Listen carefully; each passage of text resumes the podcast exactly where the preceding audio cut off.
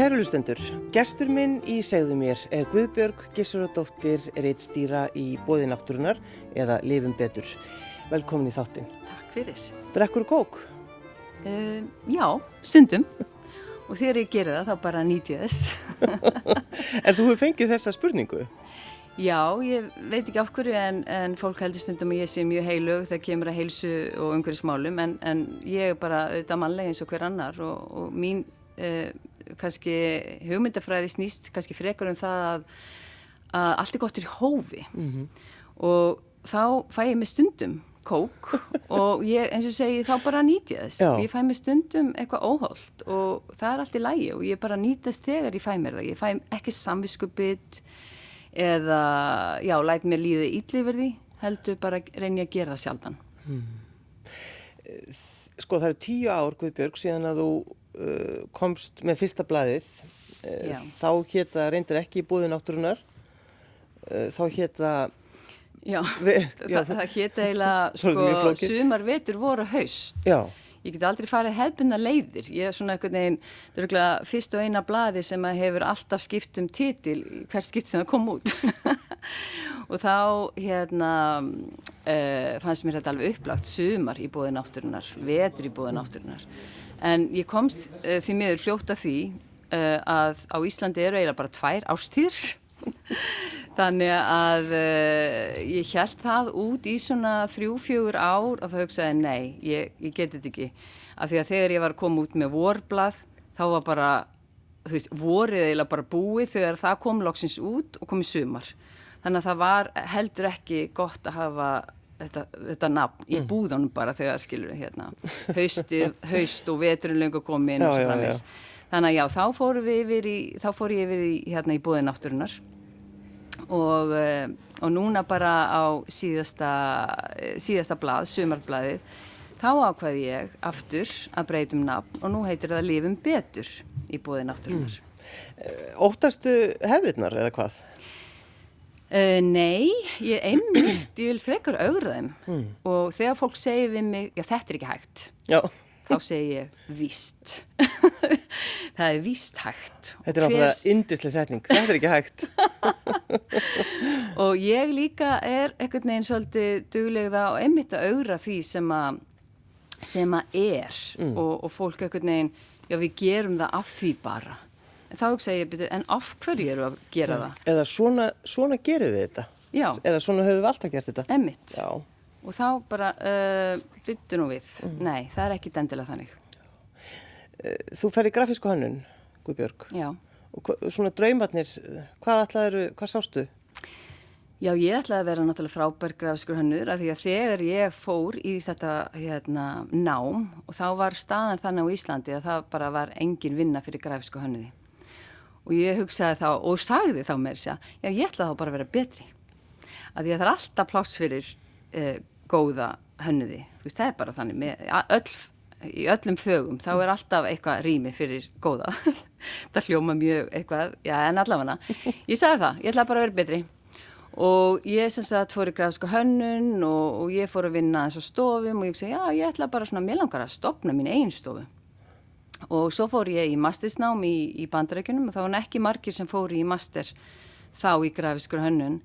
En uh, ég fór í ná sem að kallast Communication Design og uh, það sem sagt var tveggjara mastisnám og það gerðist í rauninni kannski í þessu námi uh, að því að þetta var nám sem var kvöldin og ég var heima að læra á daginn og ég eldaði mér alltaf í eitthvað í hátinu og þetta var orðið mjög takmark, takmarkandi hvað ég var að elda og ég kunni ekkit mikið að elda og og, og svo gerðist það, hérna, ég hugsaði, nei, nú ætlum ég bara að fara og finna mér maturslubók. Mm. Ef ég segja söguna frá því hvernig þetta breytist frá því að ég ætla að vera grafiskar hönnur í eitthvað allt annað, að þá sem sagt, hérna, fór ég að leita mér um maturslubók og aldrei fann ég þessa maturslubók sem ég gæti notað.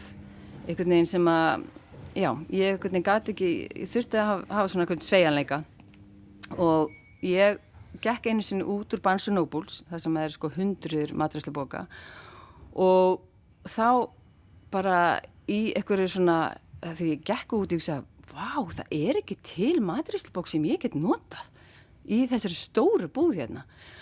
Og þá bara eins og það bara gerist eitthvað í hausnum á mér. Ég hugsaði bara, ég verði að gera þessa maturislubók og fimm árum setna var þessi maturislubók komin út og þessu, í þessu ferli þá uppgöti ég það hvað var gaman að gera eitthvað fyrir sjálfa mig það er að segja ég var rauninni kúnin mm -hmm. og, og upp frá þessu þá segi ég nei ég, ég er ekki að fara að vinna fyrir aðra sem grafiskur hönnur ég er ekki að fara að stofna stofu ég er að fara að gera eitthvað allt annað Já. ég vissi ekki nákvæmlega hvað það var þá en ég er bara að fara að gera eitthvað annað Það var eitthvað. Já, það var eitthvað. en uh, þú skrifaði semst þessa matræslubók, er það ekki? Jú, hristist fyrir nótkunn og uh, hún var um skapandi mat, matræslu í eldúsinu með það sem er til er í eldúsinu. Já. Það var það sem að mig vantæði. Ég þurfti að hafa eitthvað svona, hva, eins og ég, ég hafa með lið fyrir aftan hvert innehald, bæta, breyta, sleppa það er að segja ef þú áttir ekki þetta og góðstu sett þetta og þú veist þannig að það var ekki, það var ekki svona matur eða uppskrift sem var að hefta mig eða ég þurfti að hlaupa út í búð eftir mm. einhverju mm. kaupa eitthvað framandi krydd sem ég notaði svo aldrei aftur Já. þannig að þetta var svona rosa praktísk og, og skemmtileg maturistubók en, en sko hristist fyrir nótkun, þetta er náttúrulega svolítið góð titill Já. Og, og, það er, maður þarf að gera það við ymsa hluti. Já, ég hugsaði líka einmitt að ef að við sko hristum ekki upp í lífinu, alveg sem við, eins og ég notaði sem sko appisínu savan sem myndlíkingu, að ef við hristum ekki upp í appisínu savanum, þá fáum við ekki, þú veist, allt gumsi sem að fellur á, á botnin sem að gera miklu bræð meiri mm. og það er það sem að mér finnst einmitt í bara lífinu yfir höfuð, það er það, við, eh, það sem mikilvægt að hrista upp í því og reyna alltaf að, að fá sem mest út úr lífinu mm. og þess vegna er titillin einmitt lifum betur í rauninni kannski mjög viðiðandi fyrir kannski það sem að ég er um, að vinna að í lífinu bara yfir höfu sko. Já, já, en, en að þetta er svo skemmtilegt að því að þú ert, sko, þegar maður flettir, flettir blöðunum, það er alls konar hlutir sem við getum lært að gera, gera betur og allt þetta lifum lengur og betur til dæmis, hver vil það ekki en þá er akkurat sko, þetta hvernig fólk lítur á því, mér finnst það svo áhugavert einmitt, þú ert í bara einhverju bóði og þú fyrir kók og það er bara, hæ? Er þú fyrir kók?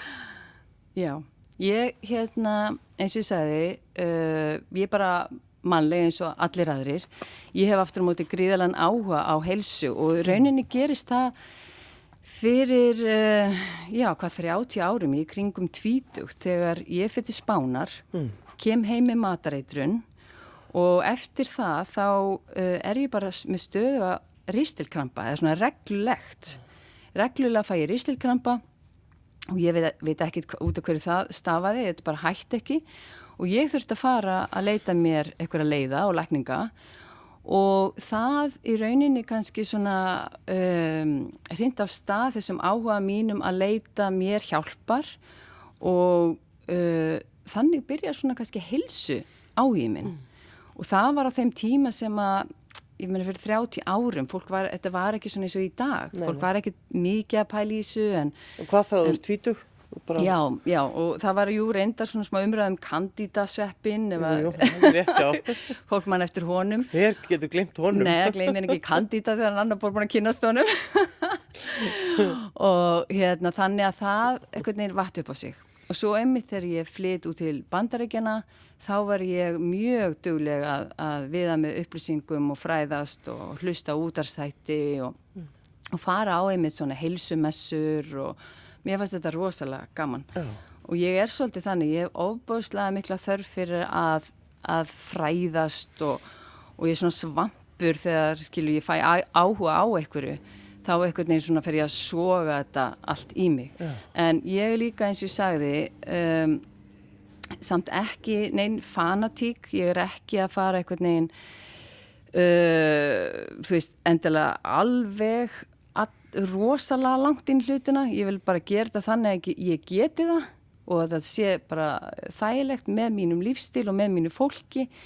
Og dæ, er ekki að dæma aðra fyrir hvernig þeir uh, lifa sínu lífi en kannski finnst mikilvægur að gefa fólki bara inblástur og, og kannski geti verið ykkur fyrirmynd fyrir suma eða hvernig það er, þá bara já, snýst þetta um að, að hver fyrir sig finni sína leið og eins og við gerum í blaðinu, við erum ekki að predikara, við erum frekar að sína og gefa fólki inblástur og, og það fær þá bara sínar hugmyndir út frá því á þeim stað sem það er, mm. statt. Já, en, en það, þeir fórst þarna til spánar og, og, og vektist, það var ekkert verið neitt grín?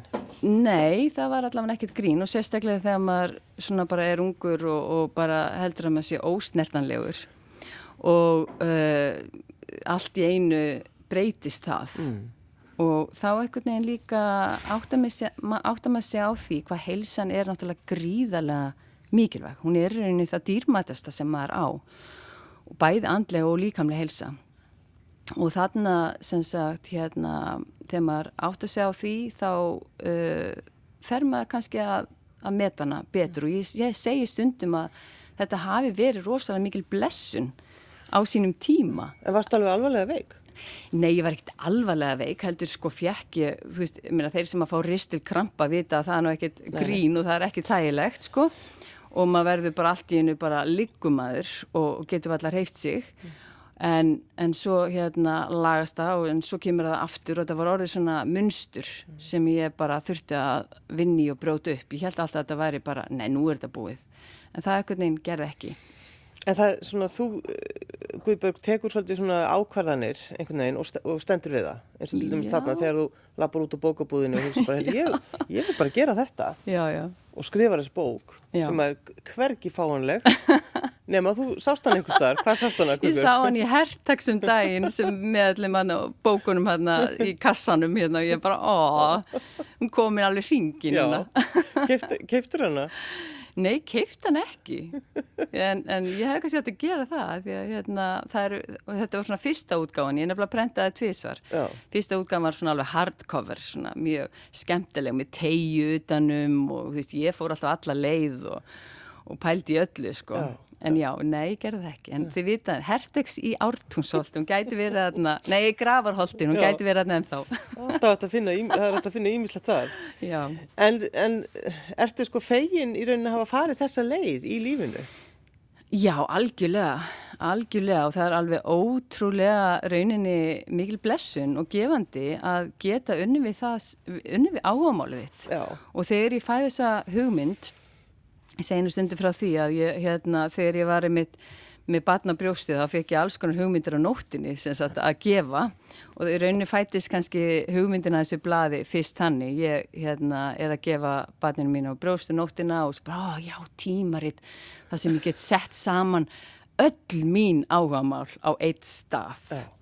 Og, og hérna, ég vaknaði morgunin eftir og maður sætti alveg frábær hugmynd sko um nóttina. Maður fær svo góður hugmyndir Já, á nóttunni. einmitt, og svo vaknaði morgunin. Þetta er ömurleg hugmynd. Að því að þá náttúrulega kikkar inn bara heilbrið skinnsimi þú veist, að gefa út tímaritt á Íslandi er ekkert mjög skinsamlegt sko. Og ég hugsa bara nei, nei, nei, þetta, ég ger þetta ekki. Svo kemur reyndar einn vinkon mín í heimsók og og hérna og ég fyrir að við erum ofta að spjalla um svona alls konar hugmyndir. Ég var ekki alveg viss hvað ég ætlaði að fara að gera þarna með, eftir fæðingur og lofið og, og ég fyrir að segja henni já, svo dætt mér í hug þetta tí, svona tímaritt. Og hún bara, herði, þetta er frábær hugmynd. Herðu og áður en að hún fer þá er ég búin að bara, þú veist, hún er búin að æsa mig alveg upp og ég bara, yes, ég ger þetta! Bara svona, skilu og þá einmitt eins og þú segir, þá hérna þegar ég tek okkur ákvarðanir þá bara ger ég þar Já. þegar ég, þú veist, er svona ákveðin og þarna var ég bara, ok, ég ger þessa hugmynd, ég veit að hún er ekki skynsaleg uh, ég veit að ég eftir að fá fólk sem segir bara, hvað er þetta að pæla? og bara segja mig hvað þetta er vonlist business, en ég ætla samt að gera það. En þegar þú skoða fyrsta blæðið sem hún gerir uh, þekkir þú sjálfaðið þar vel? Já og það sem er reyndar, kemur mér alltaf svolítið skemmtilega og, og á óvart er að þegar ég kíki í gömlu blöðin þá er ég ósalega glöð, þú veist, ég er bara, ó, Já. vá, þetta er bara, þetta er bara ósalega fínt blað. Og, og ég er ennþá ána með gömlu blöðin. Og það er það sem er svo frábært líka við um, þessi blöð að þau eru rosalega tímalis og þau koma náttúrulega bara þrjú ári og, og það er það sem að sko svo gaman við sko áskrifundur er að, er að þeir eiga öll blöðin, þú veist, þau er ekki að henda þeim. Og þessi stapli, skilju, ég er með áskrifundur sem hafa verið með mér í tíu ár. En staplin verður aldrei rosalega stór.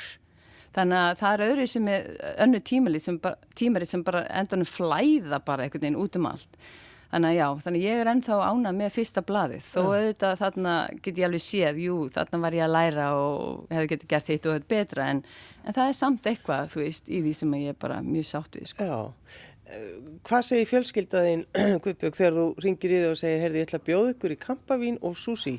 Já, þá vitaðu hvað það þýðir.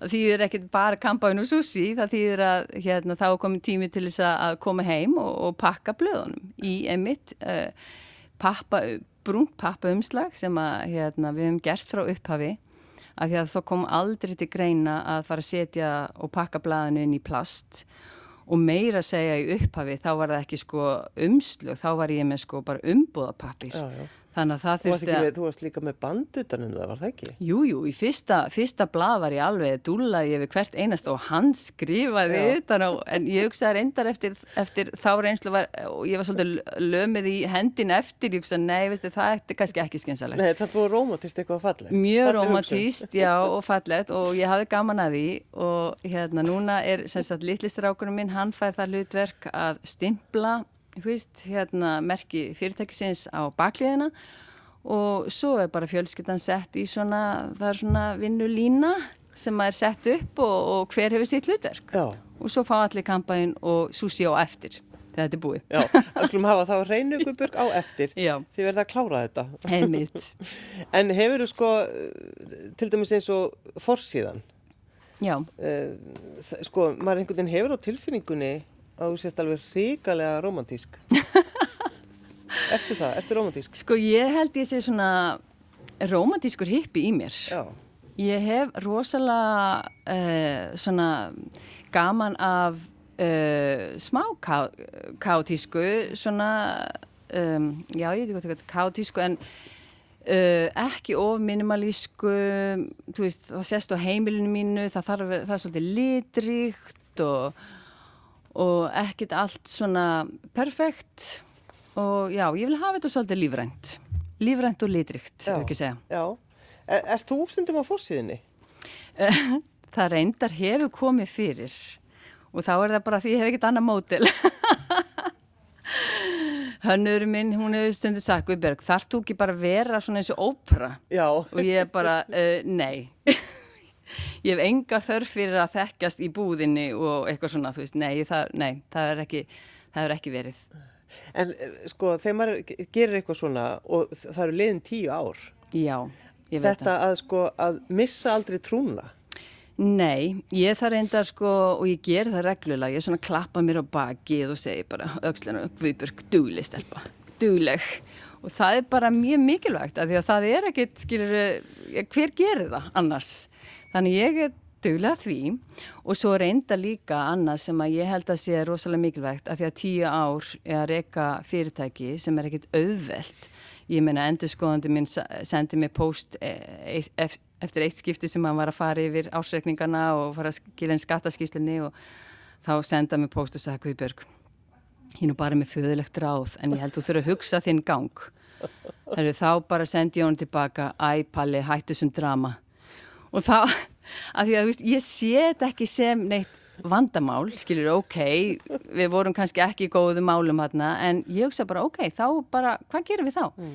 Þá eru bara einhverju hugmyndir sem að, maður þarf að fá til þess að leysa málið og það er alltaf einhvern veginn í mínum huga að hversu erfið sem, sem það er að þá bara finnum við laust og með skapandi hugsun og, hugmyndum, þú veist, þá er alltaf þetta að finna leiður og lausnir. Mm. og svo líka annað sem eru þetta líka greiðilega mikilvægt er einmitt að maður hafi tilgang og maður finnir tilgangin í því sem maður er að gera. Og ég held að það hafi e, skipt mig gríðarlega miklu máli. Og það var í rauninni þegar vorum kannski e, á sjötta árinu eða eitthvað svo leiðis þá að var ég orðin svolítið þreytt og framlúin og framlá segir maður kannski. Og ég var bara komin á þennan stað sem bara, oh, þú veist, af hverju til hvers er ég að þessu? Og hefur einhver gaman að þessu blaði, var hún svona rosa dramatísk og, og, og bara þreytt einhvern veginn En það vildi svo vel til að ég hafði bókað uh, mig og manni minn á ráðstöfnu til bandaríkjana. Þryggja dagar ráðstöfna og tveir dagar eftir á bara svona í kvíld og svona sem betur fyrir akkurat á þessum tíma og við sem sagt fórum og bara við það að fara í þessa viku svona kannski kvíld og fá skemmtilegan innblástur og bara njóta þess og bara svona svolítið að setja bara vinnun og allt hérna til hliðar þá bara á þessum tímapunkti eftir þess að þryggja dagar ástöfnu og þá var ég mitt svona uh, ennþá leitandi af hverju er ég að þessu, hvað, hver er tilgangurinn? Og þá kemur þetta einhvern veginn til mín já, í raunin er ég að gera þetta blað til þess að uh, lifa betur eitt blað í einu. Og það hefur kannski alltaf verið svona minn, mitt ferðalag í lífinu. Það er alltaf, ég er alltaf að leita veik, leita, ég er leitandi og til þess að lifa betur og uh, þarna fann ég einhvern veginn svona bara já, ég er rauninni að gera þarna með þessu bladi, er ég að gera rauninni það sem ég hef alltaf verið að gera að leita einhverju og miðla því sem að um leið hjálpa mér að lifa betur en líka mögulega lesendum. Mm. Og ég hugsaði þarna bara að ef lesandi fær eina góða hugmynd úr einu bladi sem að bætir þeirra líf, þá er tilgangum náð. Þannig að uh, það gaf mér rosalega mikið svona mikið búst og ég kom heim full af orku og til ég að takast á við hvað sem er og það var rosalega gott að finna þennan kontrast og líka það hvað er mikilvægt að kvíla sig og að taka sig út úr aðstæðanum og endunarast. Mm. Þetta sko að lifa betur. Já. Og ég minna við gætum einmitt, við eigum bara að tala um það núna þessa dagana. Já. Hér á Íslandi. Nákvæmlega og það er einmitt líka það sem við erum að hérna í bóði náttúrunar er líka að standa fyrir. Við náttúrulega ætlum að halda þessa, þetta tíu ára ammali með pomp og prakt og flugöldum og síningu lögotashöll og ammalisbók og ég veit hvað og hvað. En, geggja partí. Átt að vera geggja partí en eins og margir þá þarf bara fresta því eins og hérna við þekkjum og aðstæðunar eru þannig í dag. En við ákveðum sem sagt í staðan fyrir að gera ekki neitt að taka sem sagt fyrirlestra rauðina sem átt að vera einmitt inn í síningunni í lögutasöll Ætlaður alveg að vera í lög? Ég held að vera að grínast. Nei, nei, nei, nei, nei, nei. Alveg hjá, já, lögutasöll. Nei, nei, ég hugsaði bara, halló, hver mann eftir heimilisíningunni jú, jú. hérna í gamla daga? Allir. Nú erum við bara komin á þann stað að við getum gert svona græna heimilisíningu. Þannig að ég var, hugsaði bara hvað hérna, langar mig að gera og það er náttúrulega skemmtilegt þegar maður á þetta og má þetta. Hvað langar mig að gera þegar ég verði tíu ára og þá, þá bara allt í nefnir, ég langar að gera bara svona alveg stóra síningu. Mm.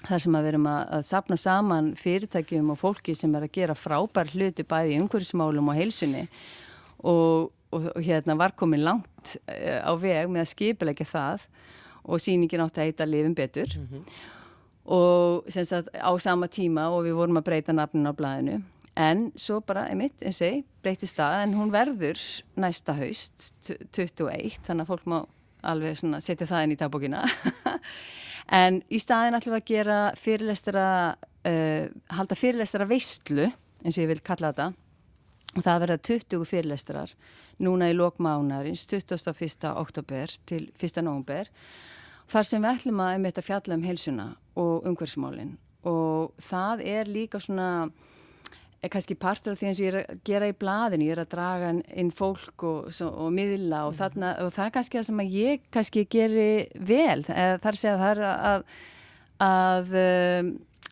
að dreifa boðskap, ekki bara mínum heldur annara, koma honum að framfæri og þarna verða fólk sem eru sérfræðingar á sínu sviði Uh, þú veist, það er verið að fjalla um streytuna og svefnin og, og, og betri loftgæði bara, þú veist, inn í heimilin okkar og hvernig við getum uh, bætt umhverfið okkar á svo marganhátt uh, hvað við þurfum að hugsa um í dag uh, til þess að eins og segja, til þess að lifa betur.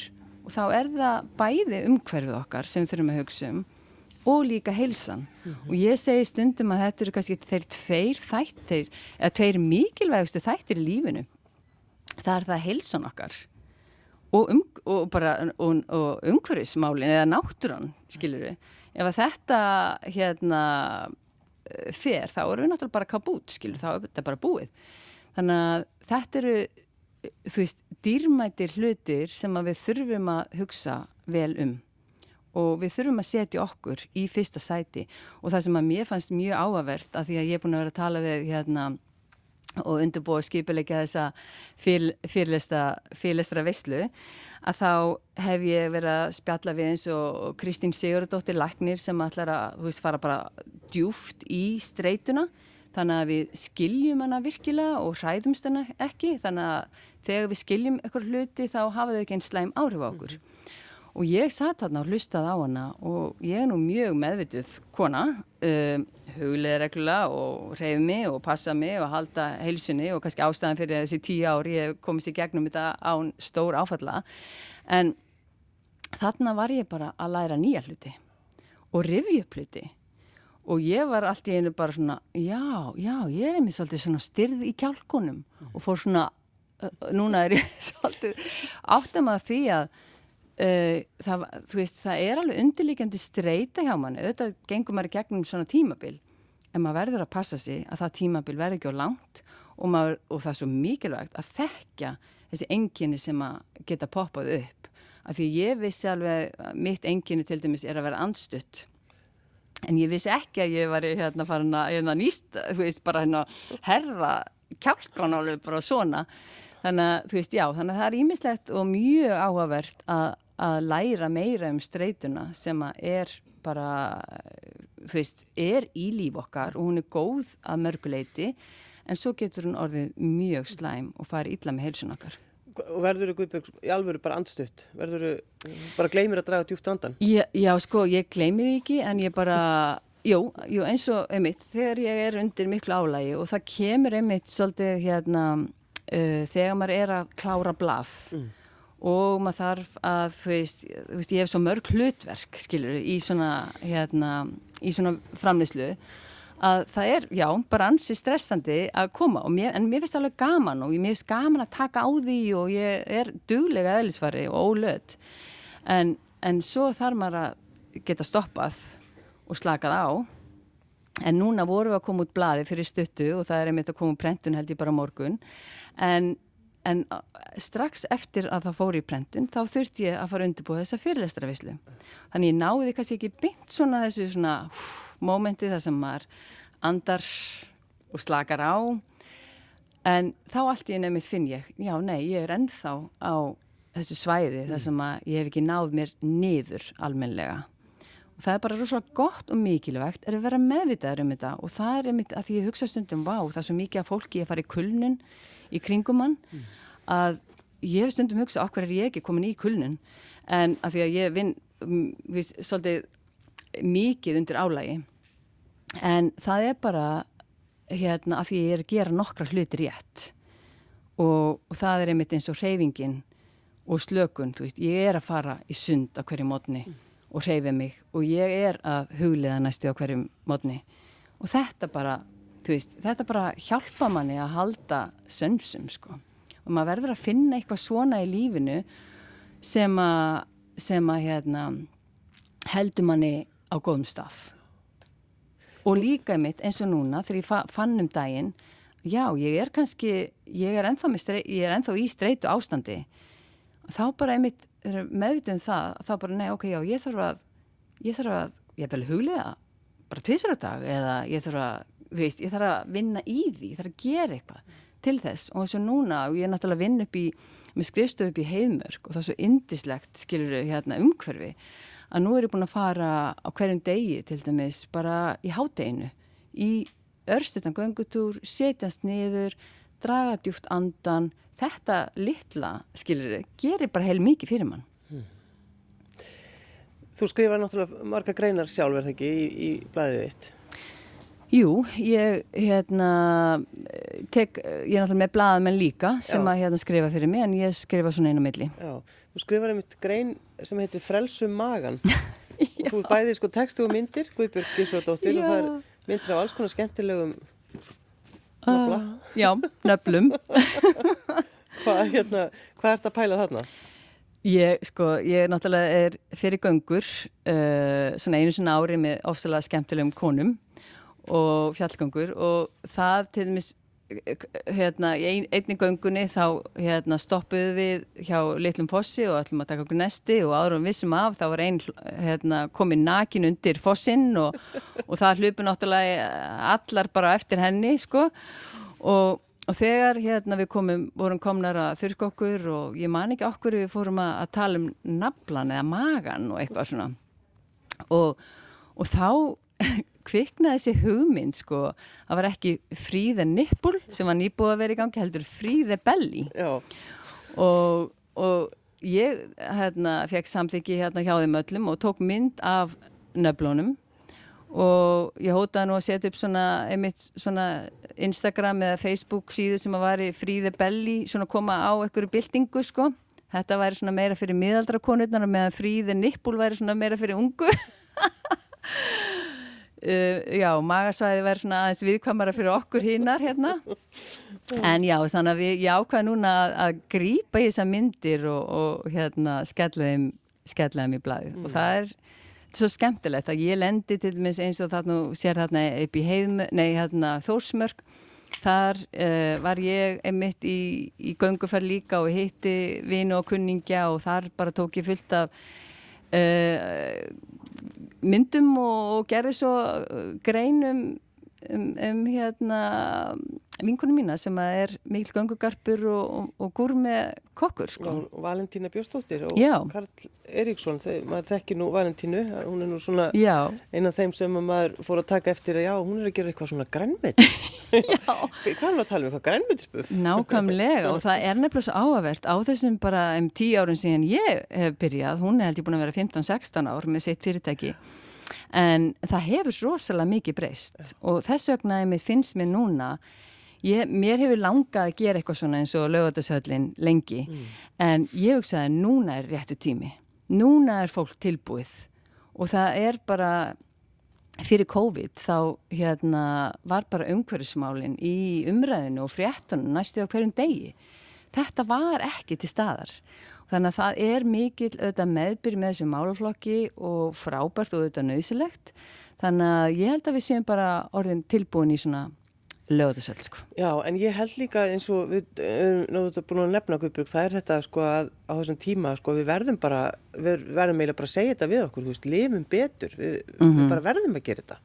Já, ég held að við verðum að gera þetta og þetta þarf ekki að taka þetta í ykkur offorsi og ég segi stundum, jú, maður tekur 1, 2, 3 skref kannski áfram, svo tekur maður kannski 1, 2, 3 aftur og bak, en maður er alltaf að mjagast aðeins uh, lengra áfram mm. í að bæta sér hér og bæta sér þar.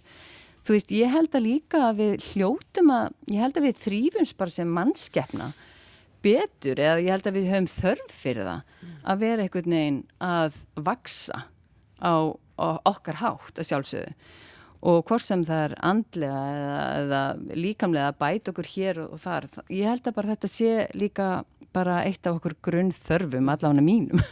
Hvað ætlar að halda áfram lengi með blæðið, Guðbjörg? Ah, ég veit það ekki. Það bara, kemur bara í ljós. Já.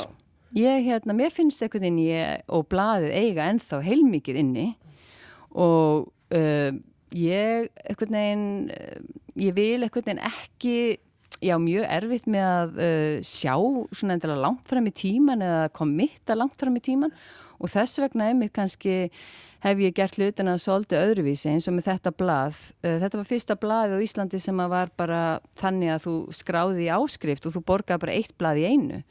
Það var ekki eitthvað ár fram í tíman eða þú, að þið er þið endur nýja ári. Nei, ég hugsaði bara, nei, guðmengur, ég ætla ekki að binda mig í og, og lofa einhverjum blöðum fram í tíman. Ég gæti ekki hvernig ekki hugsa mér það. Ég er svolítið spontant og ég vil hafa þetta svolítið svona Já, ég vil bara hafa mitt frelsi. Frelsi er mér mjög mikilvægt og, og ásamt því að hafa gaman að hlutunum og þá er bara best að vera ekki að, að binda sig eða negla sig ómikið niður. Ég vil bara hafa geta flói þegar ég vil. en fyrirlestratnir á, á netinu um, um það hvernig við getum lifa betur? Já, Já, það er bara, sko ég mæli bara með því að fólk kíki á lifinbetur.is, vefin okkar og þar undir fyrirlestrar er hægt að sjá þess að 20 fyrirlestrar sem verða í bóði og þetta er einstakta mörguleiti, við erum að tala um hérna, að setja hérna saman bæði umhverfsmálun og heilsuna sem ég finnst vera alveg samt finnað og við ger, vinnum þannig þetta í blaðinu. Og, og hérna þetta kostar bara 5.500 kall öll helgin. Og það er að horfa á þessa fyrirlestra uh, næstu tvær vikurnar þegar hendar fólki betur. Stundum er að þannig að þú vilt hlusta aftur á okkur fyrirlestur svo viltu kannski draga hérna vinkunu eða mömmu eða eitthvað, eitthvað makaðinn, herri þú verður að horfa á þennan. Og þú veist, við getum verið heim í stofu horfa saman, þú veist læra og fá innblástur. Og ég lofa góðri skemmtun. Ég er nefnilega, já ég, mér finnst nefnilega mjög mikilvægt að sé gaman. Og, og þess vegna var ég að tala við Ara Eldjörn í gær hvort að hann geti einmitt lokað þessu með góðum hlátursköllum fyrir okkur af því að það er líka svo mikilvægt að þú veist, bara, bara til að losa spennu, bara það eitt og sér hefur, þú veist, svo góð áhrif. Þannig að, að við séum að hérna, geta hort á eitthvað svona saman eða einn svo sem en hérna, félagskapur og annað er líka rosalega mikilvægt. Að ræða um það hvað þú viljir gera og bæta í framhaldinu ég held að sé, þetta er bara svo mörg tækifæri að nýta svona til að gera eitthvað gott í sín lífi. Guðbörg Gísvardóttir Ítstjóri, takk fyrir að koma. Takk fyrir.